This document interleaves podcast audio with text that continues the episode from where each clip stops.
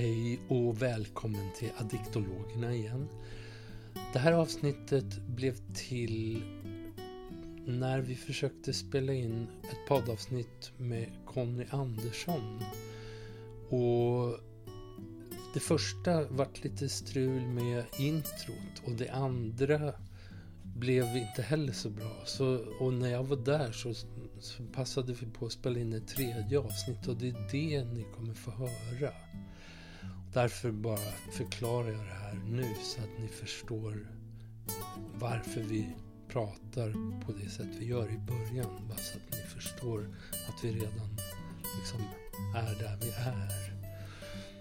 Ja, men eh, hoppas ni eh, gillar det här och har det fint.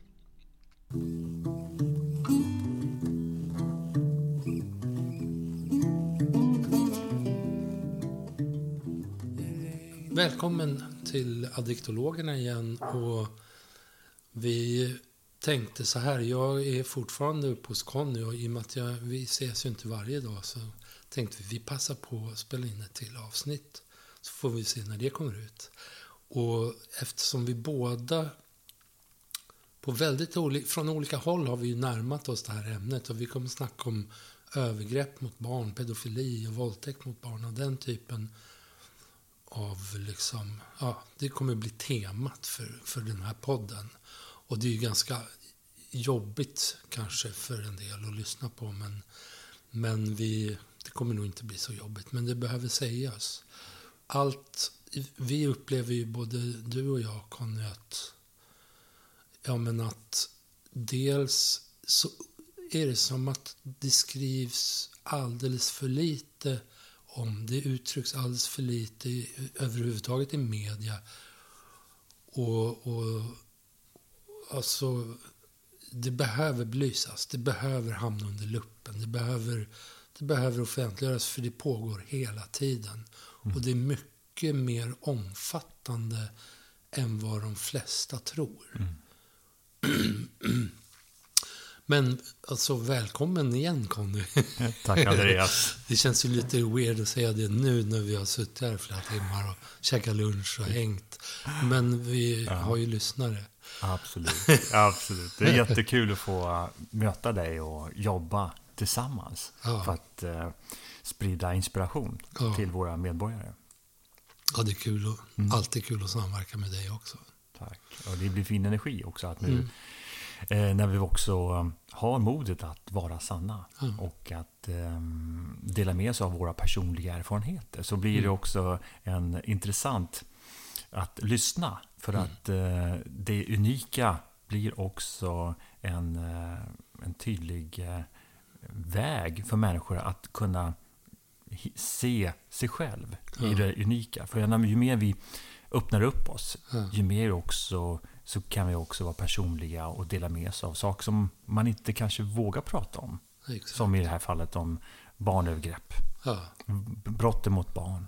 Ja. Som är en samhällskatastrof. Ja. Din, din väg in i liksom det, det träsket inom situationstecken eller vad man ska kalla det för. Mm.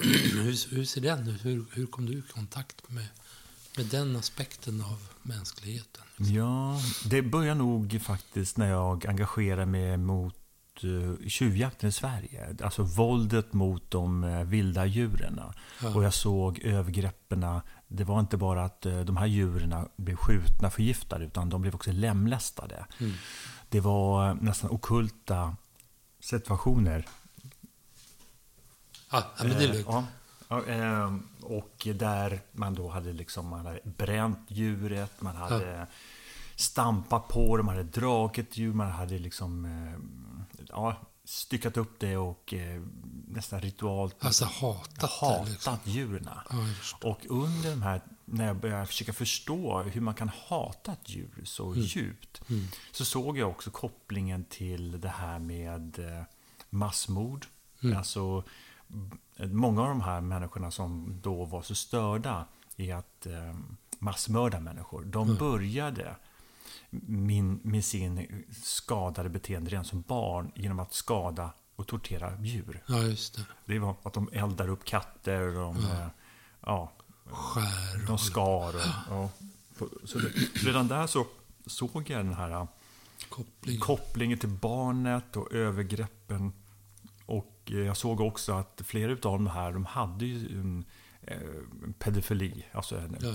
våldtäkt på barn. Så var det ganska vanligt att, att de här som höll på med tjuvjakten på ett, på ett grymt sätt, Ja. de var också eh, våldtäktsmän och pedofiler. Okej. Mm. Så det fanns en störning som att ge sig på det försvarslösa, Ja, just det. såg jag. Och i USA så kom jag också i kontakt med en, eh, en eh, analysmetod Ja. som de har i USA. Och det var, eh, de kallar för LINK, the link, länken. Ja. Och det var så att våld i hemmet bedömdes genom att eh, identifiera våldet även mot husdjuret. Okej. Så fanns det ett våld även mot husdjuret så var risken för dödligt våld mot familjemedlemmarna mycket, mycket större. Ja, och för man har sett dödssannolikheten ökar markant Mm. om våldet sker även mot husdjuret. Då. Ja. Så det var där det började och då blev jag väldigt intresserad av och fascinerad över att liksom kunna läsa människan. För jag är ju, jag är ju spårare Ja. och eh, som spårare spårar man ju det unika. Ja, Man spårar sanningen hos människors rörelser, beteenden, Mm. attityder. Och då, då, när jag efter många år hade jobbat just med att skydda våra vilda djur. Jag skapade en egen rangerverksamhet i Sverige. Som inte, det finns inga rangers i Sverige egentligen.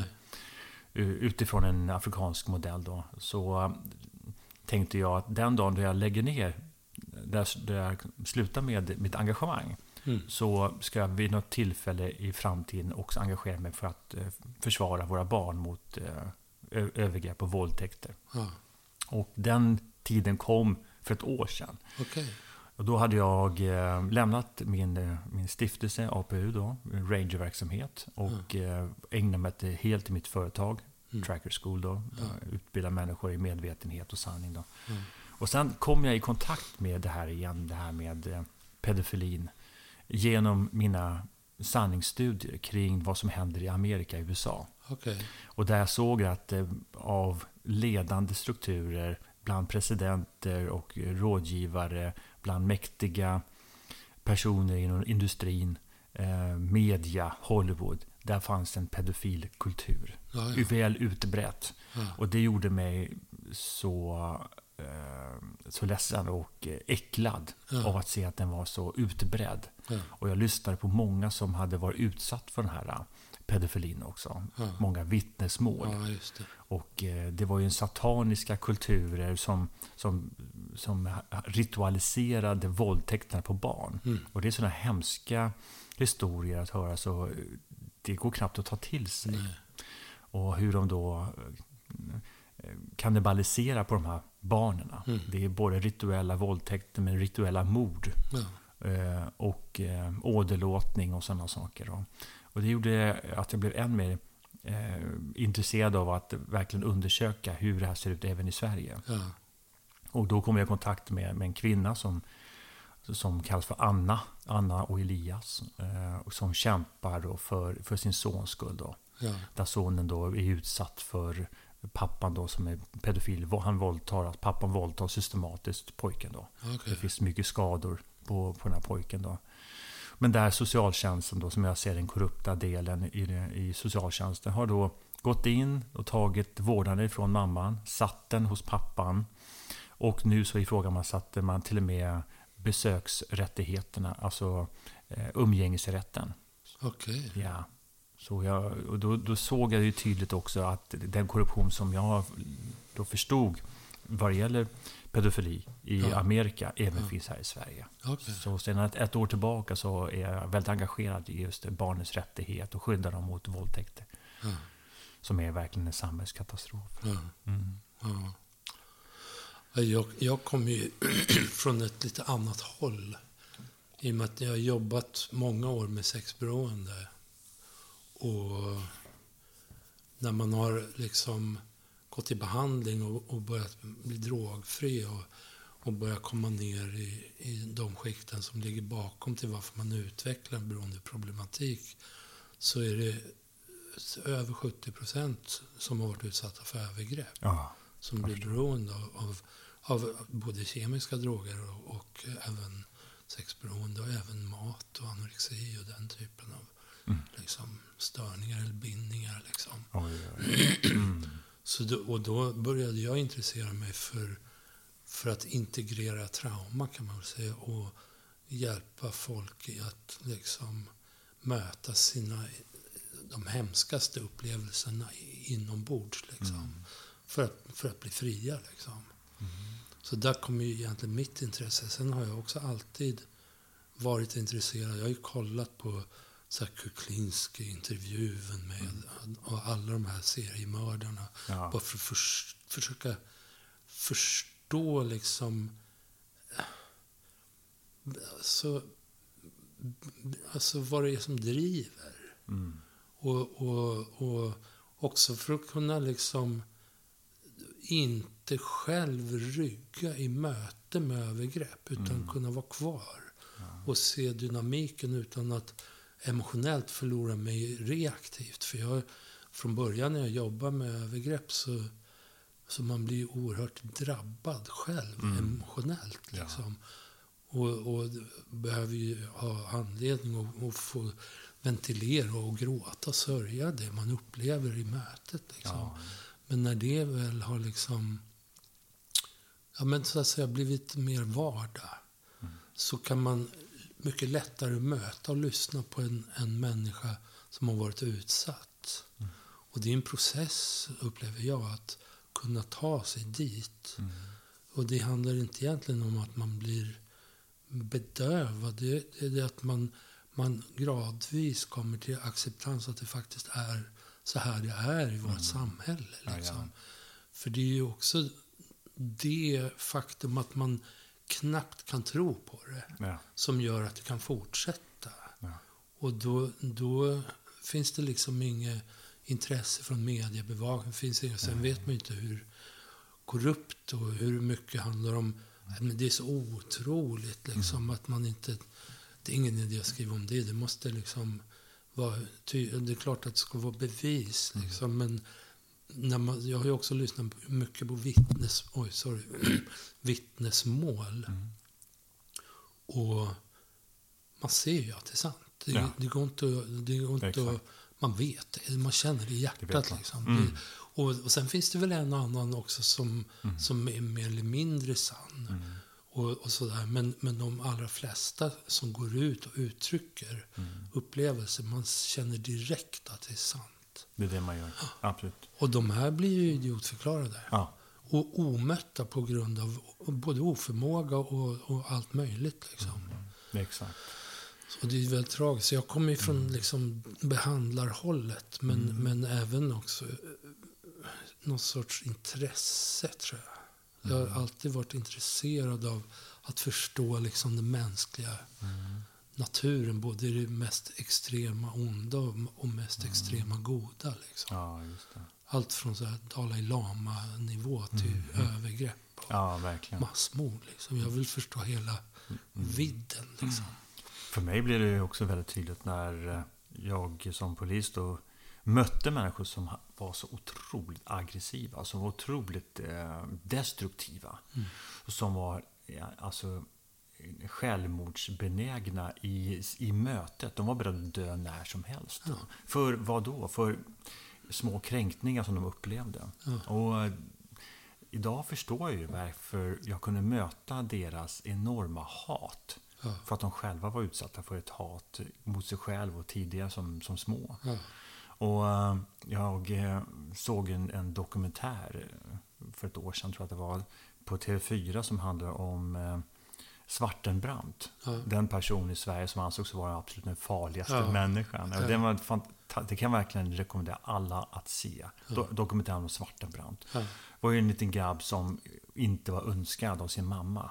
Och blev bortlämnad till sin moster som slog honom systematiskt. Och eh, till den dagen då moster inte ville ha honom. Så hon eh, gav honom till, till socialtjänsten och han fick flytta till en eh, fosterfamilj i Norrland. Mm. Där fosterpappan systematiskt våldtog honom. Mm. Och i den här dokumentären så berättar han, det var då jag hatar, lärde mig hata Ja, säger han. Det var då jag lärde mig hata. Ja. Och de här våldtäkterna tog slut den dagen då Svartebrandt tog hagelgeväret ifrån den här fosterpappan och tryckte upp den i magen på honom. Och Mm. sa så att det där slutar du med. Och då säger Svartenbrandt, det var då han började älska vapen. ja, det. Han återtog sin makt. Det blev liksom. ju koppling till frihet också. Jajamän, exakt. Och det är väldigt, väldigt gripande. Och att följa ha- hans liv, det var ju liksom fyllt med droger, våld, självmordsförsök. Mm. Och, eh, och det ser jag också med, med andra människor jag har mött nu då, som har bakgrund i att bli ut- utsatta för våldtäkter så små. Och kan, deras liv är kantat med självmordsförsök, Ja. droger, Ja. våld. Ja. Mm. Ja, det, är så, det är min erfarenhet också. Ja. Som den här eh, tjejen som var adopterad Mm. från, från ett asiatiskt land. Hon lever ju idag under skyddad identitet. Mm. Jag hade henne i några år i terapi. Mm. Hon, hon, när hon kom så hennes styvstorebrorsa som var 17 och hon var ja, 6, 7, 8. Då började han ja, men byta henne mot droger med, med sina drogkompisar. Så att de utsatte henne för övergrepp. Ja. Och sen, sen började hon ju vid 11 ta droger själv. Mm. för att uthärda såklart, självmedicinera. Mm. Men sen nu, ju, ju äldre hon blev, hon, hon, hon började prostituera sig. Började ju liksom utveckla en identitet Mm. som byggde på att hon var ägd. Så hon Mm. hade tre ägare Mm. som sålde henne i olika sammanhang och utsatte henne för olika saker. Och också på ett sätt utbildade henne i att bli perfekta liksom, ja, sexslavsdockan liksom, Mm. för de mest perverterade liksom, beteendena. Liksom. Så hon, hon, det kom ju pedofiler från hela landet bara för att ja, få träffa henne. typ. Ja. Så, och det går ju skitfort. Liksom. Och sen, sen så... Ja, men polisen fick ju span på det här. Och, och, och sen så... Ja, men så, de skulle ja, liksom... Ja, men hade span på henne och kollade. Och för att hon skulle hjälpa till och hon skulle ta sig ur det här. Och, men hon kunde ju aldrig outa dem. Liksom. Hon kunde aldrig outa ägarna. Hon, det gick inte. för Hon var ju så, djupt lojal. Liksom. Lojalt, ja. Ja, hon hade ju skrivit kontrakt med sitt eget blod. Och, så här. Ja. och du bestämmer om jag får leva. Och Oj. sådana där grejer. Och, och, och liksom så hon, hon upplevde ju emotionellt att det var så det var. Mm. För det var, det var liksom så djupt indoktrinerat. Liksom. Och så har jag haft en annan... Ja, vi, hade, vi har såna här sex och relationsproblematikdagar när man jobbar med, med liksom traumakopplingar till sexuella Ja. beteenden. Liksom. Och det var en av tjejerna från det hon var... Ja, men, jag, jag kommer inte exakt ihåg ålder, men väldigt liten. Så kom hennes pappa in i rummet och stod och liksom bara stod i ett mörkt hörn och bara tryckte ner henne, skrämde henne och hotade. Bara, bara stod och, och hon sov knappt på flera år. Han gjorde det varje natt. Oj. Konsekvent liksom. Och, och båda de här tjejerna och alla som jag jobbar med har ju också haft ja, men både kemiska missbruk och sen traumarepeterande beroende liksom, problematik. Liksom. Och det är så fruktansvärt att höra de här. Man svårt att ta till sig. Och det är som du säger att eh, den som hör sanning får ju också ta ansvar för sina egna känslor. Och det, Jag ser ju också många människor blunda för sanning för att de inte klarar av. Mm. För den som är medveten är ju skyldig att ingripa. Ja, visst. Ja, och därför blundar många människor, vänder huvudet åt för de inte vill bli involverade. Och det är det som är brist på karaktär idag. Ja. På att eh, faktiskt rädda våra barn. Mm. För jag såg ett, ett statement. Det är så här, ett land som inte kan försvara sina barn Mm. har inget framtid. Nej, och det ligger mycket i det. Ja, det, är, ja, det är väldigt, väldigt eh, tuffa historier du, berättar här. Och det är ju verkligen sant också. Ja. Ja, Sen, sen eskalerar ju det här. Alltså den ena...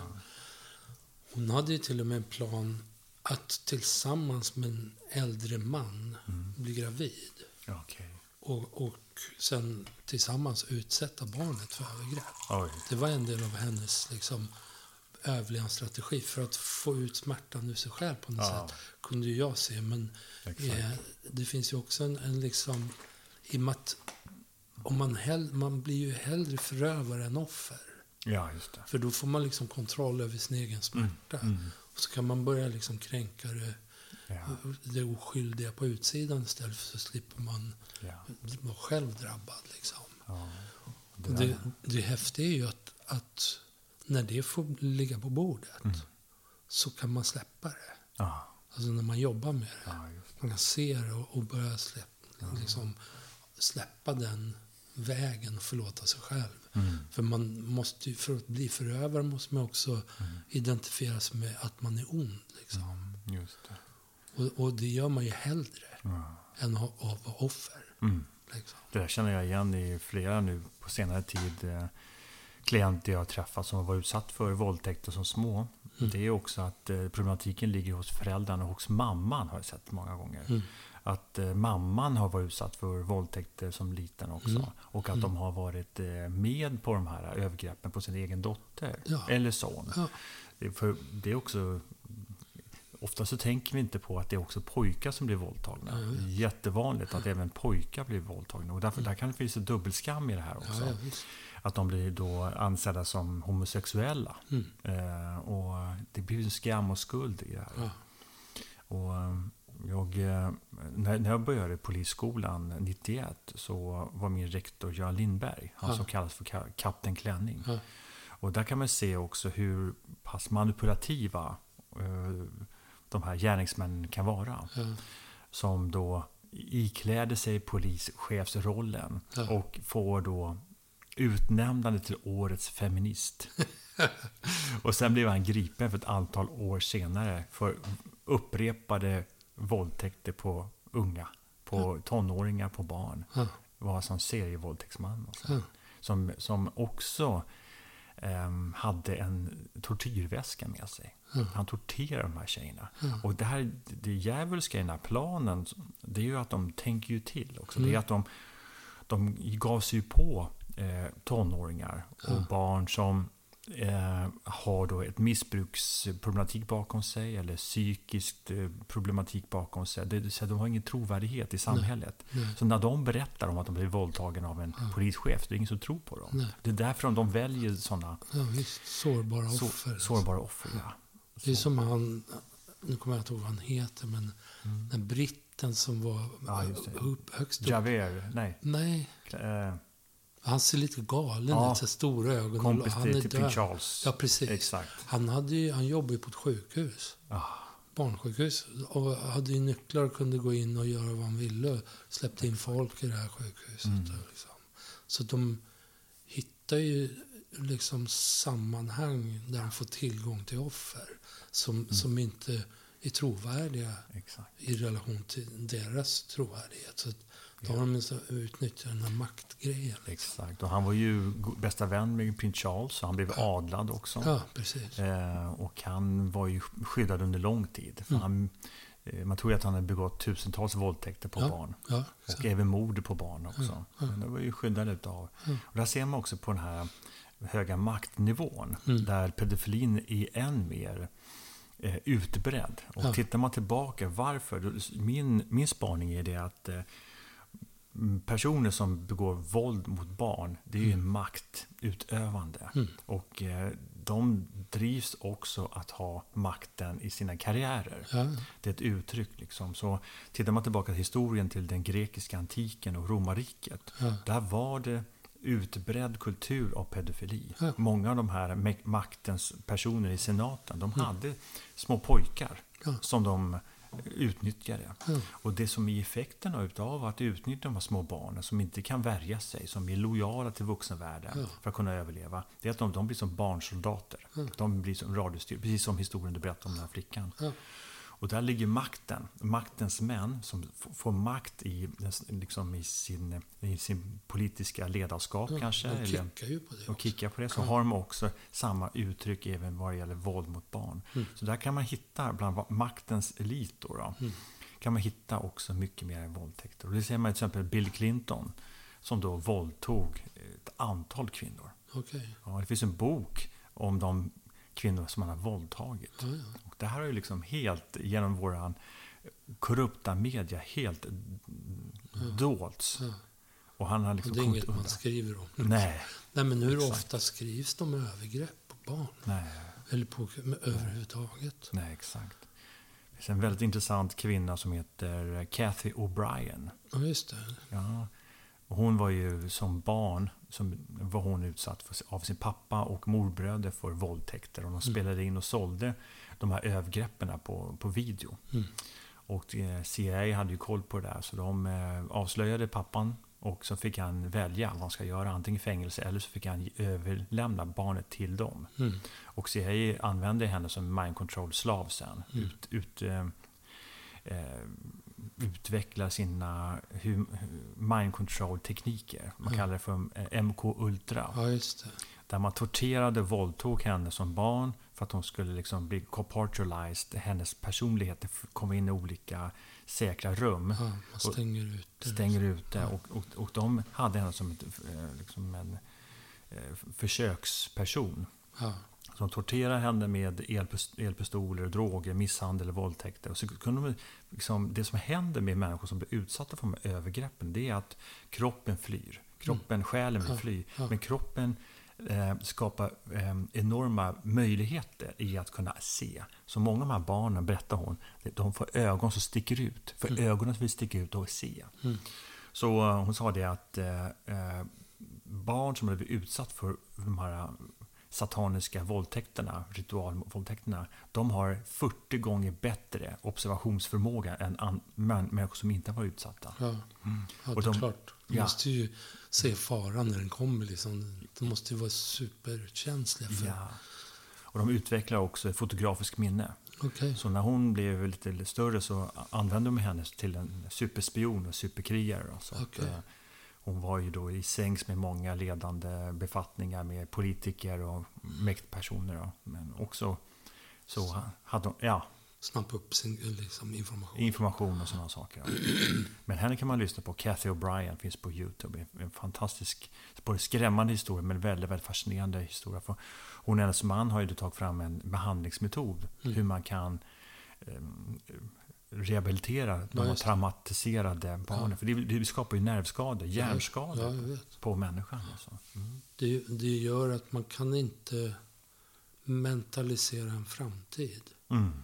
Så att man blir, för man är så busy, antingen att stänga av det som har varit och närvaron ut för ny fara. Ja. Så man har väl, men det, det, det är reparabla, för att, i och med att hjärnan är plastisk.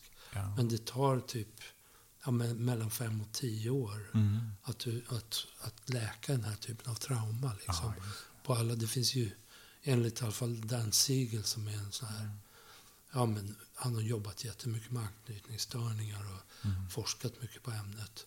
Och han menar på att det finns nio domäner i en människa som behöver integreras efter att man varit utsatt för trauma. Liksom.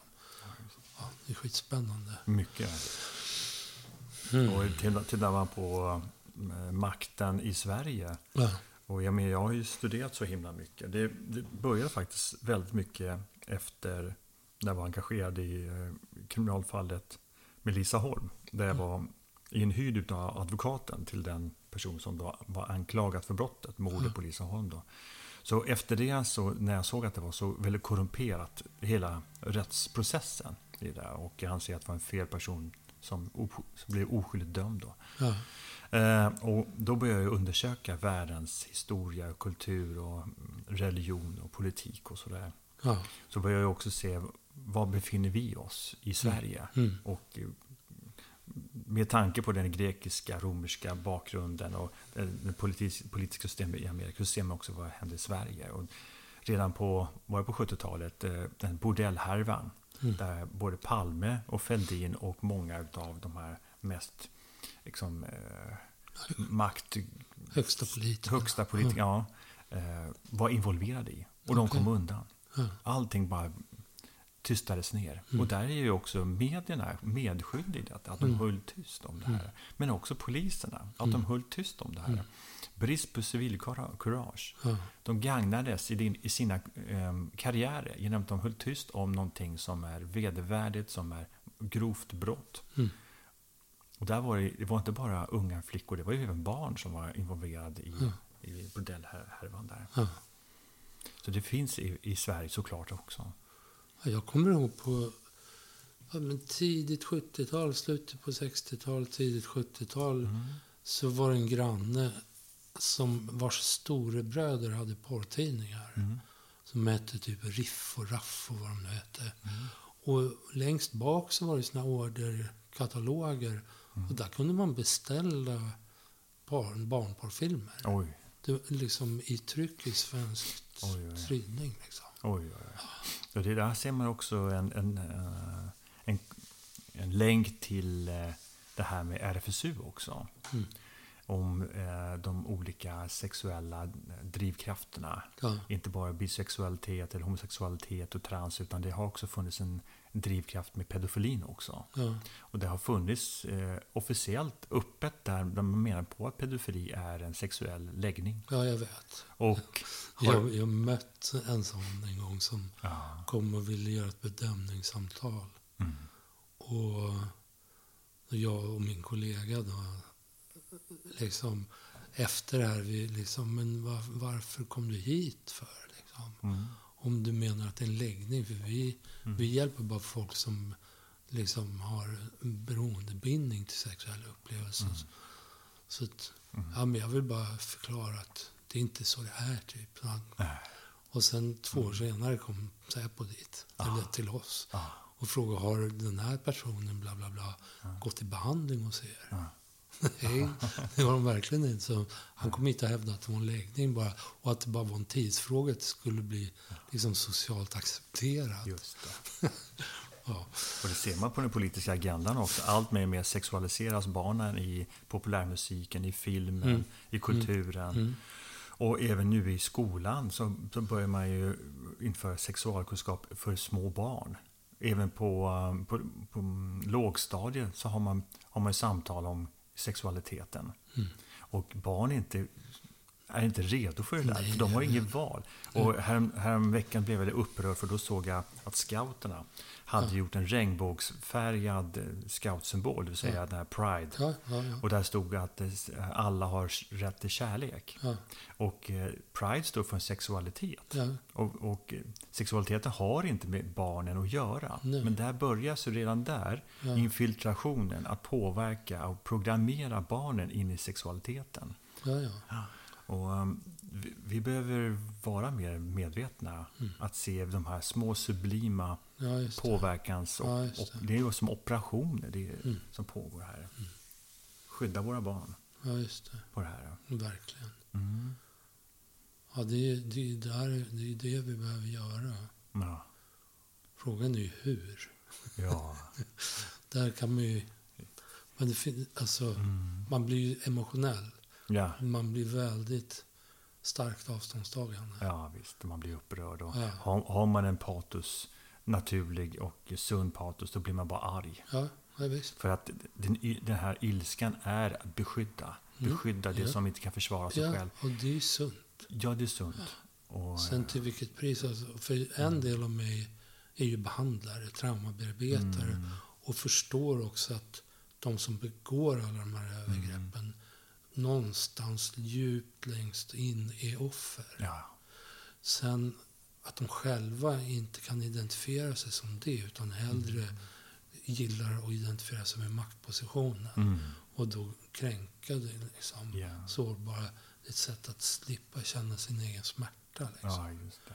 Men jag tror att eh, det naturliga ilskan vi känner, det är egentligen bara en kraft att sätta ner gränsen och Ja, försvara. absolut. Och stoppa. Ja. Inte så mycket att bestraffa, men Nej. att stoppa och Ja. skydda. Inte så mycket att angripa pedofilen, gärningsmannen, utan mer att skydda det, det försvarslösa. För barn är ju öppna, det är precis som djuren är helt öppna. De, är ju, och de kan inte överleva utan vux, vux, Nej. vuxnas värld. Nej, nej. Så de måste ju vara lojala. De måste vara lojala. Och det är det som är också det, det är otroligt... Eh, Det är det som utnyttjas. Ja, Och det är det som är så, eh, så kränkande också, att, att, de, att de kan utnyttja någon som försvarslös, som Ja. är så Och rättfärdiga det rättfärdig. Ja, precis. inför sig själv. Ja. De, jag undrar egentligen Mm. hur bra de mår. Mm. Om det, nu, det är väl Ja, säkert precis. alla, alla mår väl olika i och med att det är individer, alla är unika. Liksom. Men det, det borde inte gå att helt Nej. samvetslöst, Nej. inte i alla fall i min värld, men Nej. det är väl för att jag inte är så riktigt så. Jag har ju lyssnat på en del som eh, vill eh, införa pedofilin som en, ja, som en läggning. Och de verkar vara i alla fall helt ärligt säger de att nej, men barn eh, de är sexuella varelser. De njuter av det här Mm. och de vill det här och det är kärlek. Och, så de rättfärdigar det här övergreppet eh, Mm. för att eh, för sin egen skull Ja. utnyttja någon som inte Ja. kan försvara sig. Ja. Och det är det det går åt. Och det här var intressant. Oprah Winfield har ju så här program. Mm. Henne kan man också prata ganska mycket om. För Ja. att tala om pedofiler. Hon var ju utsatt för våldtäkt när hon var liten. Ja. Som pedofil. Och eh, jag lyssnade på henne under en tid då jag var sjukskriven. Jag var utsatt för det här justitiemordet. Då. Ja. Och eh, det som hon fick mig att förstå, det var att våldtäkt handlar inte om våld Nej. egentligen. Alltså det var ingen fysisk, fysisk våld, utan det handlar om ett förförelse av, av barnet. Mm. För barnet har ingen självständig eh, vilja Nej. annat, för de förstår inte annat. Nej. Så våldtäkten handlar om systematiskt förleda barnet in här. Och när hon sa det så fattade jag på en gång, aha, det är så de gör. Ja. De lockar in, det är som det här Mm. go- godiset, man ger Ja. godis till barnet. Och sen är de där. Och- de får skuld. Barnen visst. får skuld för att de har gått med på det och till och med Ja. kanske få- fått en viss njutning för kroppen har reagerat på det. Så det blir dubbelskuld. Liksom. Och att utnyttja en som försvarslös varelse, det är, är ju så förjävligt alltså. Att utnyttja sin maktposition. Ja. Men det säger ju också mycket om den person som gör det. Ja, de är ju maktmänniskor. Ja. Så medvetna människor, medborgare som, är, som ser, som kan ställa frågor, kan ju också stoppa, kan också förebygga. Vi måste förebygga det här. Och det är problemet är ju att många människor vågar inte ställa frågan. Nej. Har du blivit utsatt? Vem utsätter dig? Hur mår du? Bara ställa frågan gör oss Mm. medvetna. Ja. Och är vi medvetna så är vi skyldiga att ingripa Ja. enligt vår moral. Ja, Mm. ja, exakt. Och det är du som är, du är fantastisk på det Andreas. Du har ju det modet, det yrket, att du vågar ställa frågan. Du gör det på ett kärleksfullt och stabilt sätt också. Vi kan lära oss mycket av det, hur du jobbar. jo, det är sant. Att, att ställa frågan. Och vara kvar där. Och ta den smärta, för det är smärtsamt att höra ja det är det. Mm.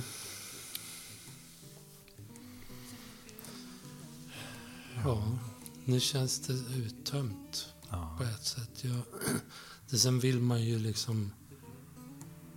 Alltså ett syfte med den här podden är ju också att, att börja lysa lampan på det. Mm. Att vi behöver börja prata om det. Ja. och få ut att det faktiskt sker. Och är det en på 10 eller en på 20 tror jag. Mm. Så det är, det är ganska vanligt. Mm, det det. Så kan man ju tänka sig då, man är på en restaurang och det sitter 40 pers kanske det är fyra Mm. stycken som har varit utsatta. Liksom. Jag läste den senaste statistiken. De gör en bedömning. Det är väldigt svårt att göra korrekta bedömningar. Då. För, I och med att det är så skam och skuld och det, det är dold. mörkertalet är stort. Ja, men den senaste beräkningen var det att 20% av alla barn och ungdomar blir utsatta. Ja, Fram, de är fram till alltså 18 år. ja. Så det är en på fem. en på fem. Ja. En på fem blir utsatta. Ja. Så det är en enorm samhällskatastrof som vi har. Ja. Och dessutom, när är de så skadade i vuxenlivet så kan de också fortsätta. Ja, att, visst, eh, det smittar ju. det smittar ja. Exakt. För att de behöver terapeuta om det här på något vis. Och det, det leder ju till ett liv i eh, självmord, droger, våld mm. och kriminalitet. Så våga ställa frågan. Det är absolut det centrala. Och vara, våga vara en god människa. Ja. Att bry sig. Sätta gräns. Liksom. Ja. Vi pratade om manlighet förut också. Ja, det, att, eh, det ser ju också som, som den viktiga uppgiften att skydda våra barn. ja visst. Mm. Stå, Håller helt med. ja, stå upp för det. Ja, ska vi avbryta tror du? Eller? Ja, vi kan väl det? börja avrunda. Ja. Det Ja. känns som att vi har eh, Ja, vi har inspirerat. till, till avsnitt nu. Ja. känns som att vi har inspirerat, kanske han inspirerar våra lyssnare till att eh, ta ansvaret, ställa frågan, vara nyfiken och skydda våra barn. Ja. Ett, ett land som inte kan försvara sina barn har ingen framtid. Nej. Nej, där kan vi ge en bra avslutningsreplik. Ja. Tack för att ni har lyssnat. Och tack igen Conny. Tack Andreas. Ha det bra. Du med. Ha det fint.